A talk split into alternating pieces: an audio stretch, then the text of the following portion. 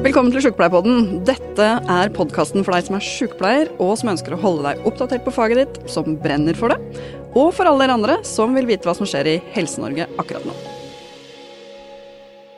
Da er vi i gang med en ny episode av Sjukepleierpodden, og temaet for eh, dagens episode det er det som blir kalt vår tids største sosialpolitiske reform. Og da snakker vi selvfølgelig om rusreformen. Regjeringens forslag om å flytte ansvaret for å følge opp dem som tas i å besitte eller bruke narkotika, fra politi og justis og over til helse og hjelp. Endelig møter vi rusbrukere med verdighet, sier noen, mens andre er bekymra for økt bruk. Og vi sykepleiere vi står ofte i frontlinja i møte med rus, misbruk, avhengighet. Enten vi er eh, helsesykepleiere som møter sårbare barn og ungdom, eller vi jobber innenfor rus- og psykisk helsefeltet, eller vi treffer pasienter som sliter i andre deler av helsetjenesten. Og hva vil denne reformen bety for oss? Hva skal vi mene, og hva bør vi gjøre videre? Og det skal vi prate om i denne episoden. Og Lill, vi har fått med oss to veldig gode gjester i dag, er du ikke enig? Jeg er veldig enig. Silje. Mm.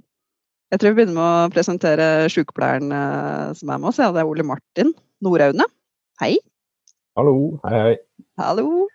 Du har din siste dag eh, i morgen, har vi hørt rykter om, i psykisk helse- og rusarbeid i Drammen kommune. Det, det er riktig. Ja, Hvor lenge har du vært der?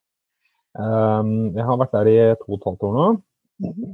Så um, det har vært en veldig lærerik og fin, fin reise, det altså. Og så er du engasjert i feltet og sitter i styret i vår faggruppe som heter SPOR. Mhm. eh, Og har vært med å utarbeide høringssvaret til Sykepleierforbundet. Vært aktiv inne i det arbeidet. Det har vi vært med på. Mm. Ja. Så bra. Nei, men eh, Vi gleder oss til å snakke mer om deg. Så må vi bare si at fra i morgen så skal du bli diakonisse. Eller fra neste uke. det skal jeg. Det skal jeg Ja. For da skal du begynne på eh, noe doktorgradsarbeid på på Lovisenberg diakonale. Det er veldig kult. Og så har vi med oss eh, en, eh, jeg vil si en legende eh, innenfor dette feltet vi skal snakke om i dag, og det er eh, Arild Knutsen. Som er, eh, du er fortsatt leder av Foreninga for human narkotikapolitikk, eh, Arild? eller? Det er jeg. Yes. Hjertelig velkommen. Så veldig glad for at du kunne bli med. Takk. Noen av dere har kanskje lest et uh, veldig flott portrett uh, av Arild i helga som var. Det var i hvert fall veldig spennende å lese for eh, de av oss som ikke kjente hele historien til Arild fra før. Og det blir jo sagt når regjeringa la fram eh, forslaget til ny rusreform, så takker jo egentlig helseministeren deg, eh, Arild, for at det i det hele tatt har skjedd. Ja, og Kenneth Arctander Johansen i Rio. Mm. Ja. Helt riktig. Vi skal også ta med Kenneth. Men det var et veldig veldig sterkt øyeblikk, det var det. Det er som en mur, som en murvegg vi har stått og slått i og ikke trodd skulle noen gang briste på noen måte. Denne kampen for en mer human narkotikapolitikk, så å sitte foran helse- og omsorgsministeren og kunnskap- og inkluderingsministeren og høre de ordene, det var utrolig sterkt. Mm. Ja, vet du hva, jeg, jeg satt og så på det sjøl. Jeg, jeg grei og gråt faktisk litt, for jeg syns det er så eh, Ja, nei, altså jeg har fulgt den, den kampen som du og mange andre har kjempa i veldig mange år for en mer Ja. verdig behandling, rett og slett, av disse folka. Få den anerkjennelsen som også helseministeren eh, og regjeringa gir til det arbeidet dere har gjort i så mange år. Det håper jeg dere tar med dere virkelig. eh, eh, som inspirasjon. Og det bør jo alle uh, som eh, driver med aktivisme på noen måte, ta med seg som inspirasjon for at eh, ting går an å forandres. Men eh, veldig kort, hva er eh, rusreformen? Hvem føler seg kallet til å gi et sånn eh, to minutters eh, Er det Arild? Klarer du det? I en kort eh, intro, hva rusreformen egentlig er for noe? Ja, det kan jeg gjerne si. Altså, for det første så har det jo en god stund nå vært et flertall på Stortinget for å overføre ansvaret for narkotikaproblematikken fra justis og til helse. Og så har jo regjeringen nedsatt et rusreformutvalg for å se nærmere på å skrive en eh, rapport da, på 416 sider, en norsk offentlig utredning, for å få forslag til en ny narkotikapolitikk. Og det er jo en type avkriminalisering. Og jeg veldig fortvilet over debatten for tiden, fordi det er mange som vil eh, bare avkriminalisere noen, og det er mange som fremstiller dette som en liberal og radikal uh, ruspolitikk, med at det skal bli fritt fram for enhver og kan gå lovlig rundt med mengder narkotika på seg. Til og med Senterpartiet hevder at det får være nok med å selge tobakk og alkohol, akkurat som om regjeringen har foreslått at alt det andre skal selges eh, også.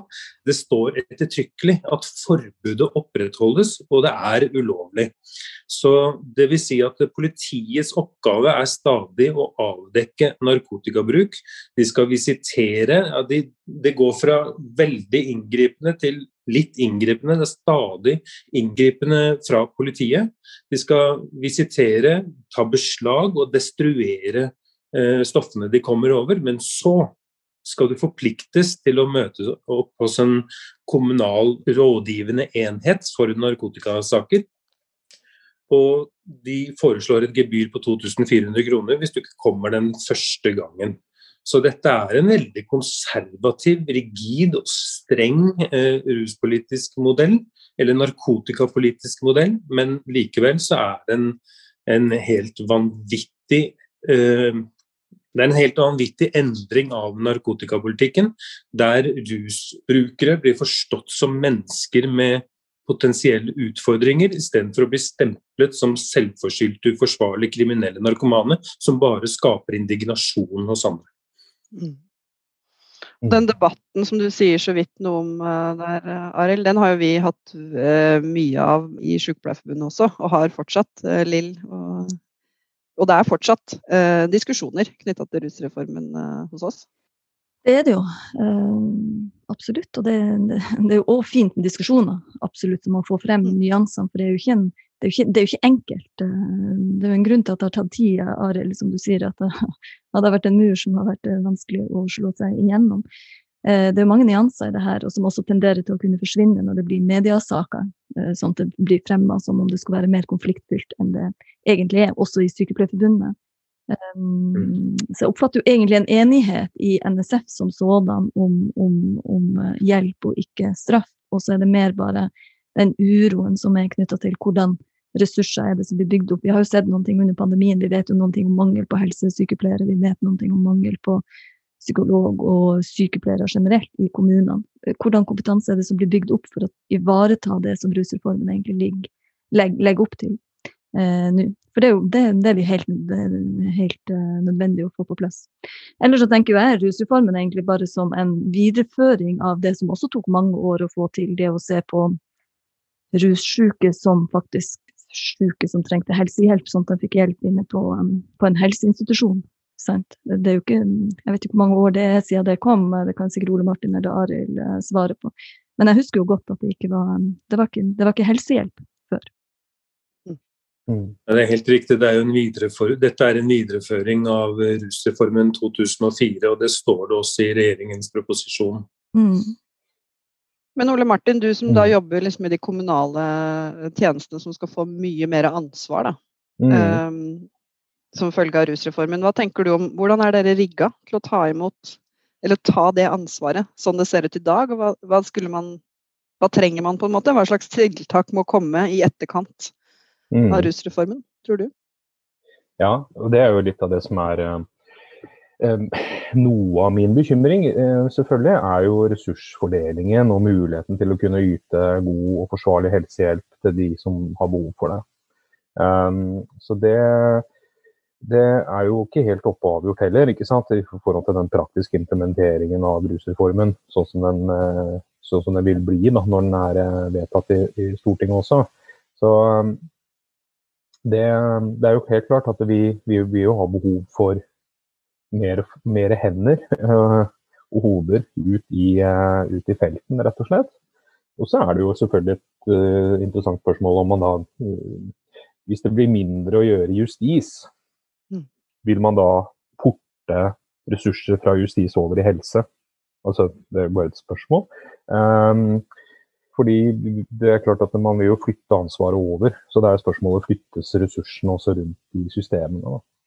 Så um, det er jo litt sånn, det lurer jeg litt på. Og så er det jo, jeg syns det er veldig Mange kommuner tar jo nå en eh, recovery-orientert holdning til psykisk helse og rusarbeid. Og da passer det jo veldig fint sammen med rusreformen, hvor man uh, kan se på uh, menneskers uh, styrker og ressurser, da, fremfor at de primært har problemer og utfordringer. Mm. Så det, det, er jo liksom den holdningsendringen. og det, Jeg syns det er noe av dette som på en måte legger seg veldig sånn parallelt og fint sammen da, i forhold til hvordan man ser på personer med psykisk helse- og rusproblemer i rusreformen, og hvordan man ønsker å tilnærme seg personer med psykisk helse- og rusproblemer i kommunene. Så det er noe som klinger litt sammen her, da. Så det er jo et uh, Tiden vil jo liksom vise da, hvordan dette kommer til å gå. Men jeg, jeg veit jo av erfaring at det finnes masse flinke, flotte uh, folk som jobber i kommunene, som er klare for å ta folk imot, men de må, de må få flere kolleger for å kunne komme helt i mål. Altså. Mm. Og så er det vel kanskje Jeg har et veldig inntrykk av at det er ganske stor forskjell mellom tilbudet rundt i landets 356 kommuner. Er det ja. Ja da, det, det, er klart det er store, store, variasjoner. Og så er det jo også, også sånn at eh, hvis vi skal kalle det storbyproblematikken, da, som, eh, som utarter seg et uh, fåtall heldigvis ikke sant, av norske kommuner, så, så, er jo virkeligheten en helt annen også. Men det er jo også, som jeg lærte når jeg jobbet i velferdsetaten og gamle rusmiddeletaten, at det, det er alltid et hus på prærien. Hva betyr det? det er alltid et hus på prærien. Nei, altså det er, altså Uansett hvor du er, så finnes det jo eh, tilgang på rusmidler. Sånn. og, eh, så, så, um, men det er klart at tilgangen er eh, større andre steder. Så det er jo bare spørsmål hvordan vi skal forholde oss til tilgang. Mm. Og de som benytter seg av tilgangen. Mm. Arild, er du overraska over den debatten som kommer nå i kjølvannet av at rusreformen legges fram. Eh, altså at man ikke klarer å Altså den motstanden da, som blir mobilisert. Eller er det, er, er det bare å forvente? Nei, Jeg er helt enig i at dette er uh, å forvente. Selvfølgelig har jo vi har jo blitt flaska opp med at straff er rusforebyggende. Det er nesten sånn som barnetro for mange. Altså Det er sånn det er. Og det er jo pga. en internasjonal politikk. Vi er forplikta til FNs narkotikakonvensjoner. Vi har bare aldri kunnet gå i den retning, tenke, snakke i den retning, fordi det er i strid med liksom, det som er opplest og vedtatt, både nasjonalt og internasjonalt. Og jeg forstår jo veldig godt at mange blir eh, bekymra når det kommer eh, endringer. Og Det er jo derfor jeg syns at regjeringens eh, rusreformforslag er veldig, veldig klok. Fordi de har hensyntatt, syns jeg, begge sider i diskusjonen. Mm. Det er ikke noe fritt fram. Det er en streng og rigid modell. Og så det prinsipielle, det fattes, eh, eller foreslås da, at fattes i lovverk. Mens de små elementene som er til diskusjon, som mengdebegrensninger, eh, forpliktet oppmøte osv., det skal, er foreslått at skal forskriftsfestes. Og Det betyr jo at de som sitter med styringa om to år, hvis dette blir vedtatt, har mer politiske verktøy til å justere politikken ut fra de trender man ser i rusmarkedet og på rusproblemer i samfunnet. Da. Så jeg mener jo at også de som er eh, mest bekymra, de, de, bør ta imot dette eh, forslaget fra regjeringen. fordi i dag så er det jo mer sånn at hvis det blir mer og mer rusproblemer i samfunnet, straff. Hvis det blir mindre og mindre rusproblemer, liksom, ja, straff. Ja, det, det ligger ganske sementert, fastlåst. Mens nå så får man dynamiske politiske verktøy som man kan justere fortløpende etter samfunnsendringene. Derfor så er det veldig liten grunn til å fremstille denne reformen som noe annet enn den er. Da. For jeg syns noen partier og noen aktører har gått litt langt i å fremstille det som legalisering og liberalisering, at det bare skal bli fritt fram. Og så til det, den utfordringen med kommunen. De kommunale forskjeller de er like viktige i dag som før. I dag så belastes jo veldig store deler av kommuneapparatet med folk som tvinges til å ta imot hjelp fordi de har vært uheldige og blitt tatt av politiet og må inn i ruskontrakt, gå på urinprøver. Det koster veldig mye penger og veldig hyppige samtaler. Det der foregår det mye krenkelser av ungdom, stripping, tisse foran eh, fremmede voksne. Altså, det er veldig mange traumatiserte blant dem. Det er så nedverdigende. Og veldig mange av dem de har bare prøvd eller bruker iblant. Så det er egentlig ikke en utfordring. Nå blir jo ressursene konsentrert om de som vil ha hjelp, de som faktisk har rusutfordringer. Og det vil være veldig besparende for kommunene. Og så skal vi slutte med noe som ikke bare ikke virker rusforebyggende, men som faktisk er svært uheldig og skaper negative konsekvenser for folk og samfunn. Og det er å påføre folk straff for rusmiddelbruk. Så dette er en effektivisering av kommuneapparatet i seg selv, syns jeg. Mm. En del av uh, hvis, vi, hvis, vi, tar det, for en del av kritikken som kommer fra politi og fra noen helsesykepleiere, uh, Silje, mm. er jo også knytta til at de blir da fratatt, de opplever det som at de blir fratatt noen av de verktøyene for å komme i kontakt med, med særlig ungdom som kanskje ikke nødvendigvis ser eh, at de trenger hjelp, eller trenger denne eh, samtalen, eller trenger den støtten, og at de, det anses da som et verktøy til Og som du sier, det er jo tvang. Det er jo straff, så ergo så er det jo tvang, men at um, det vet vi jo innenfor, innenfor helsetjenester, så vet vi jo at noen gang også kan tvang være helt nødvendig for å få gjennomført uh, den nødvendige helsehjelp. Og så er det jo noen, noen nyanser her uh, imellom både pasientgruppe og Eh, det som er nødvendig. Da, med, men det er jo det en del av kritikken går på. Kan ikke du si noen ting, Arild, om det? Ja, At det blir fratatt verktøy, det syns jeg eh, er veldig rart. For her brukes det jo tvang overfor folk som er tilfeldig og uheldig arresterte, istedenfor å tilby hjelp til de som er reelt motiverte. Og Det har jo ikke noe med at noen kommer i en sånn helsesituasjon at de ikke vet sitt eget beste og derfor må utsettes for tvang. Det er jo en helt annen problemstilling. Men å drive og straffe og tvinge folk fra overhodet å bruke rusmidler, det, det, det, har man ikke forskningsgrunnlag for å gjøre. Så bevisbyrden er jo nå snudd de som mener at å tvinge og straffe f.eks. ungdom fra å bruke rusmidler, bør fortsette. De må nå komme opp med ny dokumentasjon.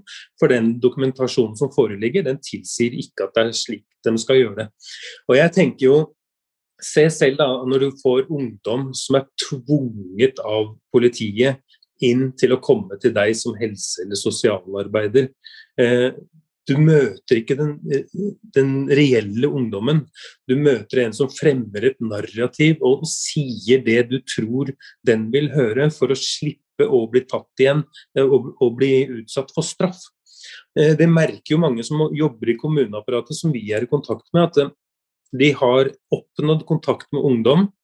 Og så kan de snakke om hva er det som betyr noe for deg. Hvordan har du det egentlig? Har du rusdrang? Er det gruppepress?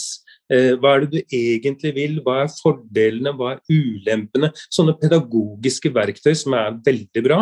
Og så er de uheldige da, og blir tatt med en liten salg på seg eller noe sånt, og kommer tilbake tvunget fra politiet. og da, da når de ikke inn til dem. Da bare spiller de et spill for å være med på det under tvang, for å slippe å bli straffa igjen. De kaller det jo ruskontrakt, men det er det jo egentlig ikke. For du kan drikke sånn som alle andre ungdommer. Eh, de som har reelle rusproblemer, de blir jo satt på urinprøver, og da kan de ikke røyke hasj, som sitter igjen i urinprøven i ukevis etter eh, bruken. De går jo da, hvis de har reelle rusproblemer, så går de over til syntetiske stoffer, GHB eller andre sterke stoffer, som i mye mindre grad eller ikke i det hele tatt slår ut på prøvene. Så det er veldig, veldig farlig. Så jeg tenker at jeg liker veldig godt det at du skal forpliktes med å komme til ett møte. For da må helse- og sosialfaglige arbeidere være så imøtekommende og faktisk ha noe å tilby, slik at den unge vil komme tilbake. Og Du får jo ikke noe dialog når folk sitter i et sånn selvforsvar og skal bare, ikke sant? Hvis du føler deg angrepet og utsatt for straff og tvang og blir fordømt for det du gjør, så, så lukkes hjertedøra. Dette, dette, er en mulighet for der vi faktisk kan nå inn til ungdommen. Og da er det ikke slik at unge mennesker med begynnende rusproblemer ikke forstår eh, situasjonen sin. Da, da, får de hjelp til å forstå situasjonen sin hvis det skulle være sånn. Mm.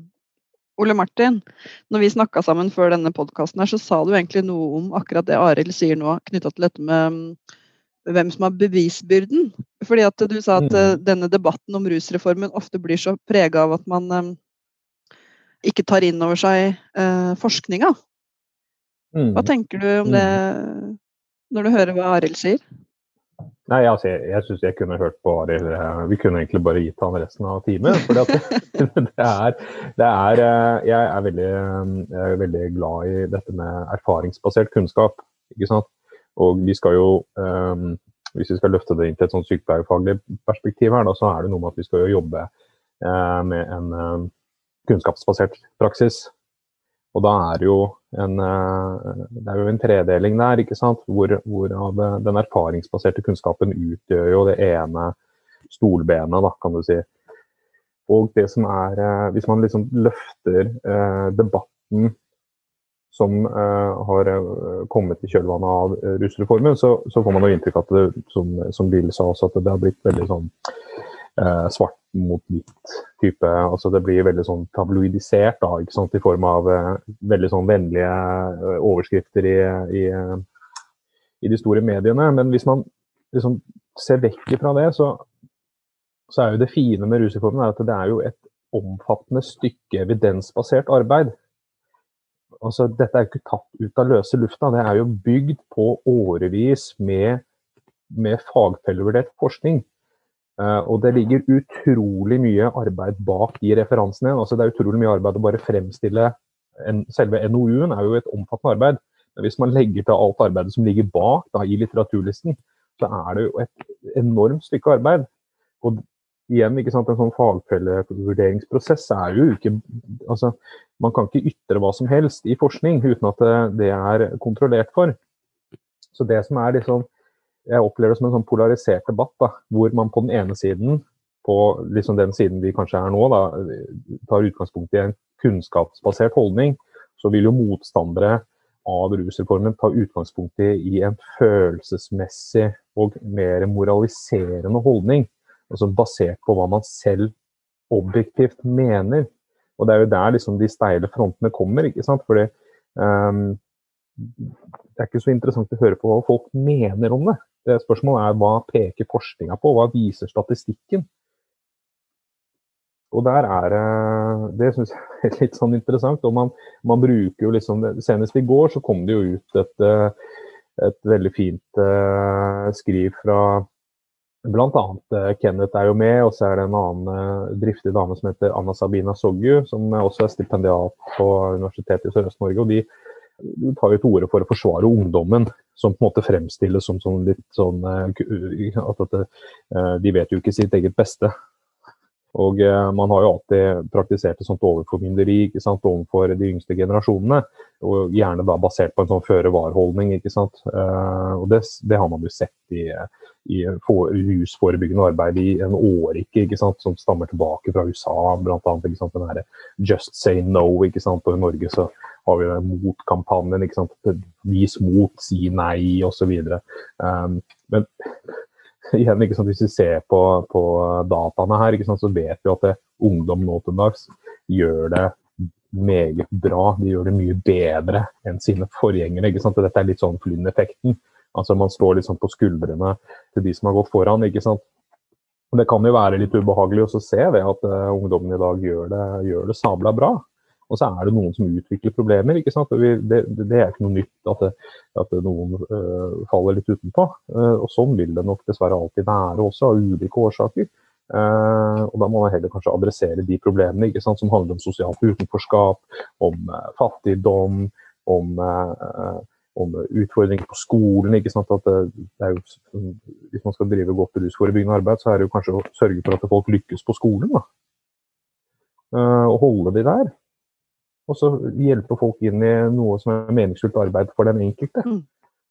Um, så det er jo, regnestykket her er veldig sånn komplekst og veldig sånn sosialt betinget. Da. Men det handler ikke om at det liksom, ved å vise pisken, så, så kan vi liksom forebygge noen problemer. Det har jo aldri fungert. Altså, hva gjorde man under forbundstiden i Norge, da? Altså, man brygga jo sprit eh, over en lav sko i masse kjellere rundt omkring. Forbud har, det, har, det fungerer jo ikke. Lill og jeg er jo fra bygda, så vi kan jo bekrefte at det blir fortsatt brygga sprit i kjeller. ja, ikke sant. Så, og det er kanskje noe med at um, vi ville kanskje gjort bedre skadereduserende arbeid hvis vi hadde klart å tilby folk med rusproblemer de substansene som de har behov for, som er fremstilt under noenlunde litt altså, kontrollerte forhold. Da. Så ikke sant, sånn som Gateheroin i dag er ikke akkurat noe som uh, er noe å trakte etter, uh, sånn innholdsmessig. Det er jo tilsatt så mye drit så kanskje man burde gi folk en litt mer ver altså, verdighet, da, i form av at man kunne tilbudt altså heroin som er fremstilt i laboratorium istedenfor, f.eks. Der er vi jo endelig på vei. Oslo og Bergen bygger opp uh, heroinklinikker for 200 i Oslo og for 100 i Bergen. Og mm. det, det tenker jeg er veldig viktig i forhold til det med ungdom. da, fordi eh, narkotikapolitikken har vært dominert av straff. Og det er jo ingen tvil om at du ser det i samfunnet at det, det er grenser for hvor langt du kan gå i å hjelpe de som den overordnede politikken er å straffe. Så i forbindelse med rusreformen så går det fra sprøyterom til brukerrom. Det er eh, mm. et punkt i regjeringserklæringen at det skal få flere medisiner i LAR, og vi får heroinklinikker.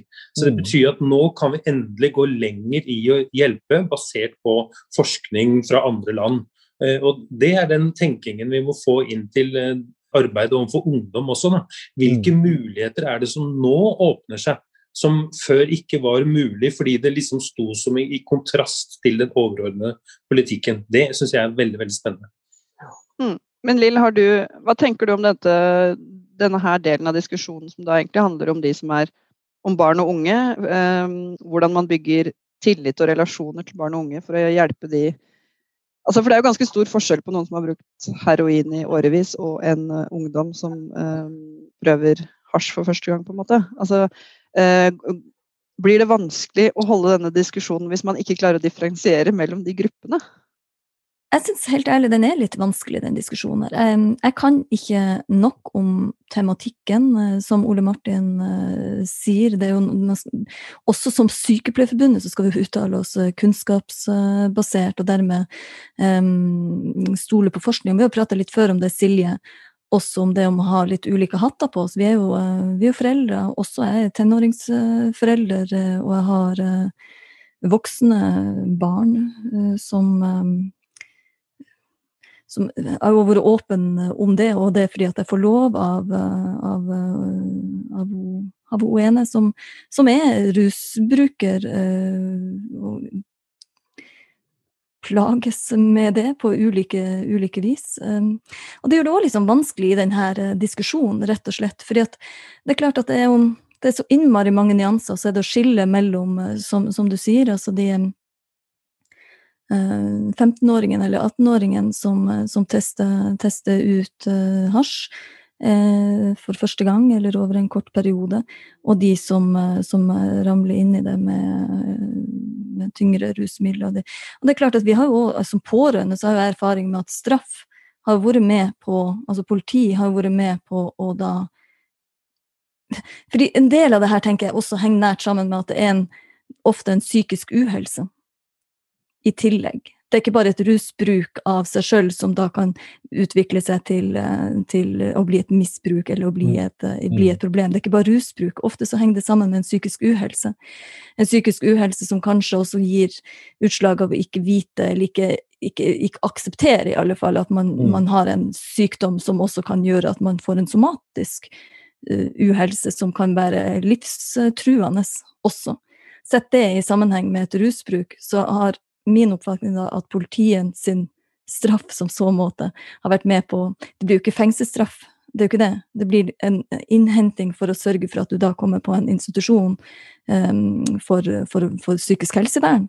Og dermed gir en mulighet til å berge livet på ulike vis, altså knytta til somatikken. Og da handler det ikke om rusbruket i seg sjøl, men det blir likevel det innfallet du har, altså den innfallsvinkelen du har for å kunne ha en form for tvang som gjør at du også kan berge, berge liv knytta til somatisk helse. Så det er så mange nyanser i det her som er krevende. Det er det ene. Og det andre er det med ungdommene. At det er klart at, sånn som mm. du, Ole Martin, også er inne på, det er jo det er mange ulike miljø her òg. Som, som, min sønn var veldig tydelig på at når han begynte altså, komme fra et miljø med drevet på med fotball og ski, idrett i mange mange år, og så kommer du til et miljø på en fagutdanning på videregående. Og der plutselig er det helt vanlig. Da er rusbruk på enklere, enklere rusmidler, hvis det finnes noe sånt, da er det helt vanlig. Han er jo ikke vant til det, men her er det helt vanlig. Og da er det òg noe med når venner forteller at det er vanlig, hvor, og du ikke eh, Hvorfor skal du ikke gjøre det? Mm. Eh, mm. hvem, er du da i, altså, hvem er det som hjelper dem å diskutere rusbruk og konsekvensene av det på en ordentlig måte? For det er klart at foreldre kan komme et stykke på vei, men det er jo ikke bare foreldre som har påvirkning eh, på, på, barna eh, sine, det er jo venner og andre som kanskje har langt større påvirkning. Og igjen, da, hvordan ressurser er det vi skal ha ute i kommunene til å fange opp de miljøene der vi vet Vi vet jo at det er noen miljøer det er større problemer mm. med nettopp rusbruk, og beskrive konsekvensene av rusbruk over tid, og hvordan de ulike rusmidlene også virker ulikt. For jeg tenker Det blir også en sånn idé om at all rusbruk er både skal straffes, og at det er like ille. Altså Det må diskuteres faktisk reelt, syns jeg, på hvordan virkning, såkalt bivirkninger, hvordan er dosene, hva er konsekvensene av det. Mm. Og Det syns jeg er så viktig poeng, Lill. Hvordan løfter man den? For det du sier, er jo egentlig hvordan sørger vi for å ha den eh, samtalen med ungdommene? Og hva slags virkemidler har du for å hjelpe som pårørende, f.eks. Hvis du ser eh, at noen i din nærmeste familie eh, virkelig har det tøft, jo, så kunne man kanskje hvordan sørger vi da for hjelp, få, for hjelp av helsetjenesten i stedet? For Det er det jeg mener, det er noen idealer i det her, som, som jeg også er selvfølgelig jeg er helt enig i idealene og det som ligger som et kunnskapsgrunnlag, det jeg har klart å lese meg til i rusreformen. og Samtidig så har jeg litt problemer med å se hvordan det faktisk reelt sett skal gjøres. Også ut ifra både det kompetansenivået som er ute i kommunene, og ikke minst de fagfolkene, altså de personene som er til stede, eller mangel på personer til stede. Og det skremmer meg litt. Og jeg tror det er det, den som rører seg generelt i Sykepleierforbundet òg. Mm. mm. Hva tenker du om den, um, den, følelsen av at det er litt skremmende, Arild? At vi gir slipp på noe her? Uh, et virkemiddel? Uh, som Du sa jo noe om det i stad, men altså, det er jo en reell bekymring for at man ikke skal klare å fange opp noen som trenger hjelp? Jeg tror at dette fører til det motsatte. I dag så er det jo slik for veldig mange unge at de har ingen steder å gå for å få hjelp når de begynner å merke at de får rusproblemer fordi de eh, frykter og kan forvente å bli møtt med skuffelse, fordømmelse, sanksjoner og straff. Foreldre river seg i håret og går rundt fram og tilbake og hva har jeg gjort galt, og blir helt panisk. Fordi dette er eh, ikke bare sett på som en kriminalitet, men som ganske alvorlig kriminalitet i vårt samfunn. Du, du henlegger ikke et halvt gram hasj, da, da, er du på fornavn og jakter deg ned til den fortatte. Mens eh, de henlegger eh, tyveri, eh, vold, eh, overgrep hvis det ikke er alvorlig nok og du ikke har gode nok beviser. Så en av de mest uttalte intensjonene med rusreformen er jo at flere skal komme i posisjon til å ta imot hjelp. De aller færreste som har reelle rusproblemer, er registrert i helseapparatet. Fordi at ved å be om hjelp og ved å være åpen, så, så har de altfor mye å risikere å miste. Så gjøre de forskjellene mellom det man definerer som rekreasjonelle brukere og, og, eh, og folk med reelle eh, rusavhengighetsdiagnoser, det, det, vil være veldig uheldig. For da vil stadig de som ikke har avhengighetsdiagnose, de som ikke har mista alt eller tapt alt, og da mener jeg eh, helsemessig, økonomisk, sosialt osv. De vil da fortsatt ikke kunne våge å søke den hjelpen de egentlig trenger, fordi de har for mye å miste i eh, risiko å bli straffa. Og så tenker jeg at dette det går jo, som Ole Martin nevnte i stad, just say no. Nå går det over til just say no, og det er helt riktig. Dette mm. gir oss en eh, en ny kunnskap kan, og en ny type samtale der vi kan snakke om de forskjellige rusmidlene, om hva de egentlig er. Og så kan vi begynne å slutte å bagatellisere det mest alvorlige rusmiddelet, som jo er alkohol. Fordi Hvis du setter alkohol inn i bildet om, med tvang og straff og sånn, så ser man at der er vi ikke veldig konstruktive der, der heller. Det er jo litt med at Jesus gjorde jo ikke gress til hamp. Men, eh, men, det er veldig viktig, jeg tror denne reformen vil få oss bedre inn i den rette konteksten. Og så er det jo sånn at de aller færreste som bruker rusmidler, får problemer med rusmiddelbruken. Men når du ser på den lille andelen som får problemer med rusmidler, så har de noe til felles, og det er som det er sagt tidligere, det er psykisk helseutfordringer. De aller fleste som faktisk får rusproblemer, har psykiske helseutfordringer til grunn. Og da kanskje vi kan slutte å tvinge dem til å bare slutte å ruse seg eh, for at de skal ta imot hjelp. Men vi kan begynne å inngå dialog med dem, forstå dem ut fra den situasjonen de er i, og gå inn i de bakenforliggende årsakene. Og det vil jo være mye mer konstruktivt. Mm. En ting som jeg har tenkt på som jeg er veldig redd for, og som jeg vet uh, skjer, er jo at uh, de ungdommene som ruser seg, og hvis de da får en uh, overdose av noe slag, at ikke vennene tør å ringe etter hjelp. For at de vet at det her er straff, sånn at det går for lang tid. Vi har jo sett noen av de tilfellene nå her i, i Troms, at det går for lang tid før de får hjelp ved overdose for at de er redd for, um, for straff. Det er et veldig veldig viktig poeng. Men jeg frykter at, jeg mener at alle høringsinstanser nå bør foreslå at kunnskapsbaserte, det kunnskapsbaserte forslaget om mengdebegrensninger fra rusreformutvalget bør bestå. Eh, nå som regjeringen har mer enn halvert disse mengdene, så vet vi at i overdosesituasjoner så tror jeg fortsatt ikke like mange, men veldig mange vil kvie seg veldig for å ringe ambulanse. Fordi eh, det, ikke, det er ikke store mengdene til før du fortsatt skal gå inn med tvang og straff. Eh, det kan være større mengder der, og det skal fortsatt være straffbart. Eh, så SV har jo nylig foreslått en amnestilov ved overdosesituasjoner, og det er ikke tatt høyde for i rusreformen. og Det mener jeg er veldig viktig. Eh, politiet må pålegges å sette helse, liv og sikkerhet foran det å ta beslag ved overdosesituasjoner. Det trenger vi rett og slett et politisk vedtak på. Det er litt rart at man skal trenge det. Jeg må bare si det at jeg syns det er liksom At ikke det er en selvfølge at uh, helse går før uh, Men uh, det, det har man sikkert mange gode eksempler på. Og det er jo ikke veldig lenge siden heller, Arild, at du og det, de, de, du representerer, var de eneste som gikk og delte ut rent brukerutstyr til narkomane på gata i Oslo, fordi at det var ingen som turte å gjøre det, for da ble det liksom Da, da aksepterte man uh, rusmisbruk. Så det er klart at vi har jo heldigvis, da, så tenker jeg at her skjer det viktige ting på veien. Og her har jo mange sykepleiere, Ole Martin, vært viktige stemmer, eh, også i møte med de tyngste rusmisbrukerne. Spesielt, eh, Nå har jeg mest kjennskap til Oslo, fordi eh, der har jeg, eh, og det har vel også du, Ole Martin. Men der har jo mange av disse institusjonene, eh, sykepleie på hjul f.eks., eh, osv., vært utrolig viktige eh, i det arbeidet. Hva mm. tenker du om den rollen som sykepleiefaget kan ha i, eh, i å forebygge eh, sykdom, da, og så fremme helse? Mm, mm.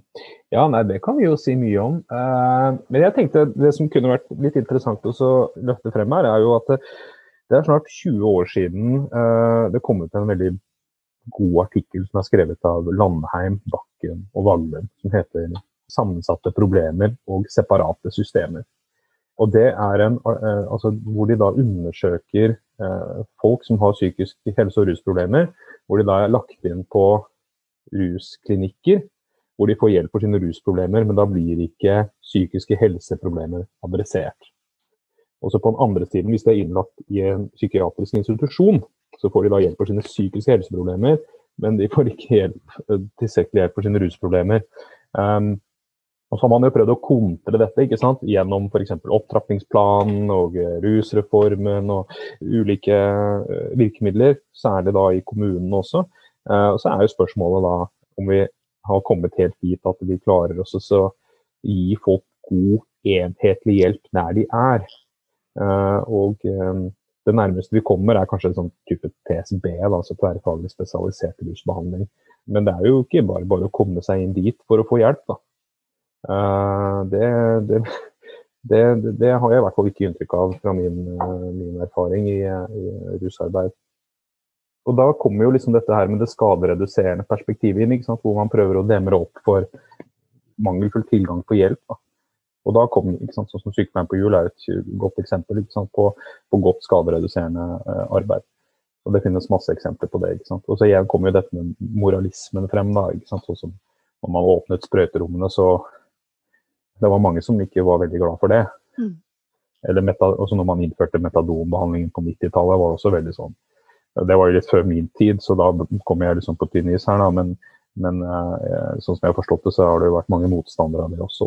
Når, når, man begynte med det, var det i 1993 eller noe sånt? Man startet med en sånn liten uh, prosjektgruppe.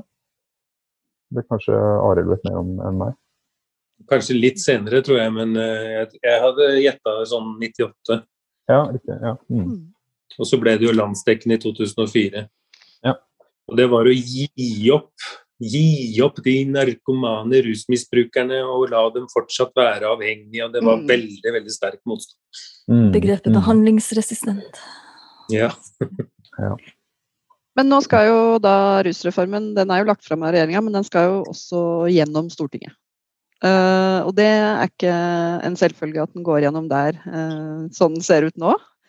Det jeg skjønt. Og det er Fremskrittspartiet har uh, sagt at de er skeptiske, i hvert fall til deler. Og Arbeiderpartiet, der har de tydeligvis ikke helt landa standpunkt ennå.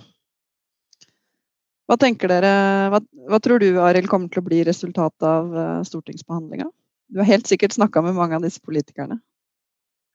Ja, jeg syns det er en fantastisk uh, tid å leve i. For det er et enormt engasjement for denne politikken for tiden. Og det er jo lett å overskygge i den diskusjonen som pågår, da at det er et veldig klart flertall for å avkriminalisere bruk og besittelse for de med rusutfordringer. Mm. Så dette er jo en milepæl som ikke er til å komme bort fra. Og så er det et større forslag og en større dokumentasjon som, som fremstår som veldig ny ennå. Så det foregår veldig mye bearbeiding og forhandlinger i partiene nå for tiden. Jeg syns Fremskrittspartiet har vært litt overraskende positive etter at regjeringen la fram sitt forslag. Jeg har jo hørt eh, en sentral person si at eh, Kanskje man må ha mer enn ett pliktig oppmøte, så kan vi gå, gå for dette her.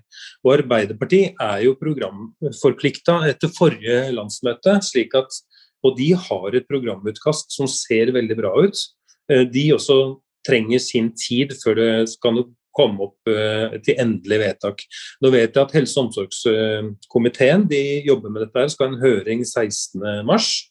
Men eh, så skal det også på høring i justiskomiteen, og da får de god tid til å bearbeide dette og enes om en god modell. Så jeg tenker at det blir en rusreform. Men akkurat hvordan den kommer til å se ut, det, det blir veldig spennende å se. Mm. Men jeg tror likevel at det, det som har skjedd fram til nå, det er så fantastisk da, at eh, vippepunktet er nådd. Vi, vi, går i en helt annen retning nå og kommer til å bli tilført så mye god diskusjon og kunnskap og bringe oss langt videre lenger enn vi kan forestille oss i akkurat i dette øyeblikket. Ja, det var en veldig positiv eh, det var, det, var, det var, positivt, og det var litt deilig å høre, egentlig. Jeg har vært litt mer, litt mer pessimistisk til hvordan den uh, stortingsbehandlinga skal gå, så det var, uh, det var godt å høre. Men, men Lill, hva tenker du Altså, hva tenker du skal være NSFs rolle i denne debatten? Vi har jo selvfølgelig avgitt høring, og vi skal på i helse- og omsorgskomiteen neste uke. og Nå tenker jeg at vi kanskje må spørre om å få komme til justis òg. Men uh, utenom det, hva tenker du at uh, NSF som organisasjon bør uh, vår rolle er jo å stå for det vi, det vi mener, altså det høringsinnspillet som vi har, som vi har gitt, der vi støtter rusreformen sånn som den ligger, og samtidig sier noen ting om det utfordringsbildet som vi ser ute i um, kommunale pleie- og omsorgstjenester, og behovet for å styrke både kompetansen, men, men også antall personer som skal jobbe med det her, og uh, de verktøyene vi er nødt til å ha selvfølgelig for å, også digitale verktøy for å kunne gjøre jobben vår godt. Verktøykassa til sykepleiere den er jo egentlig den er, den er, den er god i seg sjøl, men vi trenger de digitale verktøyene for å faktisk kunne bruke sykepleierens kompetanse i tillegg. Så først og fremst er det å stå for det vi mener, eh, komme med den faglige argumentasjonen som også Ole Martin er veldig tydelig på. Det er jo en kunnskapsbasert eh, faglig argumentasjon vi skal, eh, vi skal fremme. Og samtidig så tror jeg òg på å være raus. Raus på den, den diskusjonen som er. At man ikke møter det med en pekefinger eller en moralisme heller på det. At den uroen, den usikkerheten, den bekymringa som er, den syns jeg òg er helt fint at den kommer frem. For jeg gir det en mulighet for å faktisk diskutere det på, på, ordentlig. Sånn at vi får gjort det her ordentlig. Vi får rusreformen gjennomført, og yay, det endelig er vi gjennom denne murveggen som Arild prater om. Og så gis det da en mulighet til å se på det her ressursene trenger vi for å styrke kommunesektoren til å ta imot uh, og kunne gjøre arbeidet vårt godt. Mm. Mm. Ole Martin, hvordan skal dere i Spor uh, jobbe videre med dette? Har dere diskutert det? Vi har vel ikke diskutert det så veldig mye nå i det siste. altså Vi følger jo med på debattene, og eh, det skjer jo veldig mye i mediene. og uh, Både FHN og Rio er jo veldig aktive. og uh, Det har jo vært en Det må jeg bare påpeke òg, at all ære til FHN og Rio, som har måttet stå i tidvis ganske usaklige motargumenter, altså som ikke er tuftet på noe som helst annet enn følelsesmessige argumenter. Så eh, de har vært ute og slokka branner både her og der.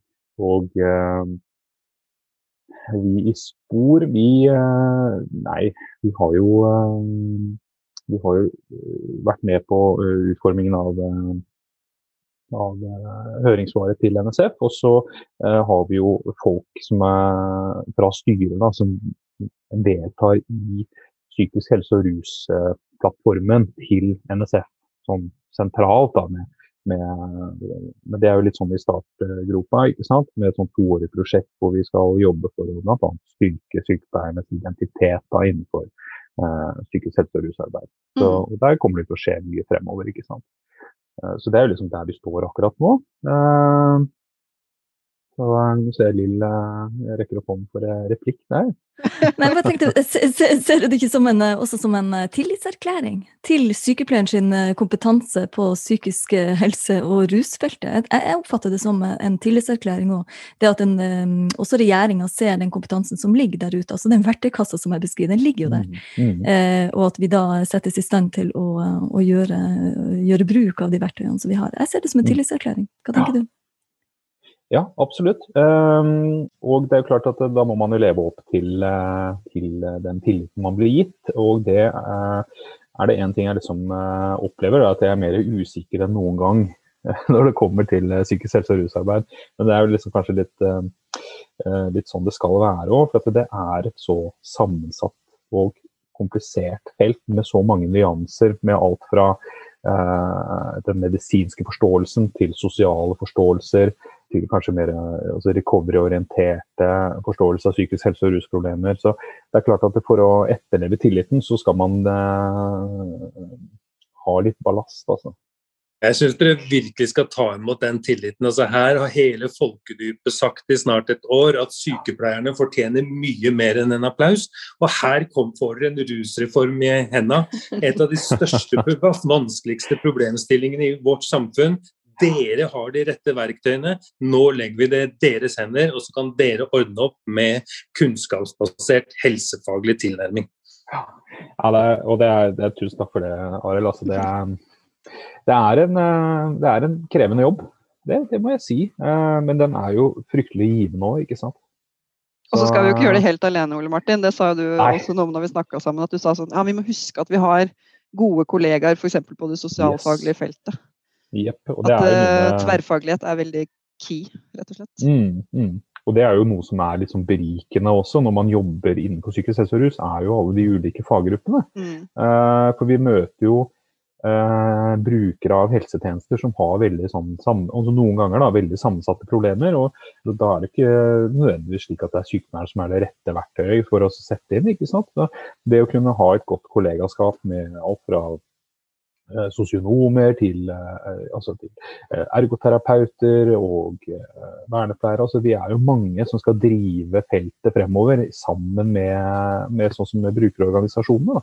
Mm. Så det er også sånn, Den type samarbeid tenker jeg er helt avgjørende. for igjen så er det noe med å gjenspeile dette erfaringsbaserte. Hvordan, er det opple altså, hvordan oppleves det da, å være der ute med skoa på? ikke sant? Um, og For mange kan det oppleves som litt uh, fjernt og litt langt unna. ikke sant? Så det er, og det er jo en ting som er uh, styrken til uh, rusreformen, syns jeg, er jo at den tar på alvor, alvor denne erfaringsbaserte kunnskapen. Noen siste ord? Noen? Eller vi, har vi fått sagt det vi vil? Jeg tenker Det er viktig at dere er med på at dette er ikke kun vår tids største sosialpolitiske reform, dette er vår tids største velferdsreform. Der kompleksiteten, alle faggruppene og den kunnskapen vi har om hvordan vi skal møte mennesker med utfordringer, den ligger i velferdssamfunnet. De aller mest marginaliserte, de som nylig satt helt nederst ved bordet, de sveipes nå inn i velferdsmodellen og får, får ta, dra nytte av den på linje linje med alle andre. Noe bedre måte å forklare inkludering, det finnes neppe. det er et spørsmål, Silje. og det er, mm, Du innleda med eh, rusmisbruk, eh, brukte du som begrep. Da spør jeg egentlig Ole Martin og Arild også om det. for jeg, jeg har forstått fra andre innenfor det feltet at det er liksom belasta begrep som egentlig ikke ønsker at man bruker. Mm. Brukes som begrep. Hva tenker dere? Det er helt riktig. Eh, personer med rusutfordringer og mennesker med rusavhengighet er jo mest foretrukne, men så tenker jeg samtidig at uh, man skal ikke være så streng, for det sitter litt i ryggraden. og Vi er på vei til å gå vekk fra det. Mm. Så, men, uh, men veldig mange bruker disse begrepene ennå. Men det er veldig fint å påpeke at det godt kan sies på en annen måte. Ja, mm. men det er, ja, det er jo litt som at jeg må øve meg på å ikke si er schizofren, f.eks. Er dement. Nettopp. Er dement, mm. ja. Men at man er, uh, har schizofreni. Mm. Hva du sa Arild, som, eh, som, er ønskelig? Som er, um, Personer med rusutfordringer eller rusavhengighet er jo det beste, da. Men så ja. blir du litt uh, utpå ettermiddagen, så sier du rusavhengig mennesker. Og så litt senere på kvelden så rusmisbrukere, for det er det vi har sagt siden vi ble født. For, for jeg tror jeg gjør det til rusbruk. Rusbrukere ja. rusbruk, men ikke misbruk. Ja, men da Hvis du sier rusbruk, så får du jo kanskje ikke med det utfordrende bruken. Det er jo ja, Jeg sa vel noe sånn som at rusbruk som skaper utfordringer. Ja, nettopp. Altså. Eller sammensatte utfordringer, også i de tilfellene hvor det er psykisk helse og eller rus. ikke sant? Så, ikke sant? Um, og det er jo noe som uh, Arnhild Lauving argumenterer jo for å bruke det begrepet. da. Så, og jeg syns det er egentlig veldig sånn uh, et, en, fin, en fin måte å putte lapper på ting, da, i den grad man uh, må gjøre det. Ja. Mm. Tusen takk for at dere tok dere tid. Jeg har blitt litt klokere, i hvert fall. Det håper jeg de som har lytta til episoden også har blitt. Og så får vi uh, ønske hverandre lykke til. Og så syns jeg Lill oppsummerte veldig godt om at vi går inn i debatten om rusreformen med, med raushet og kunnskap. Så, uh, så tenker jeg at vi, det kommer i havn.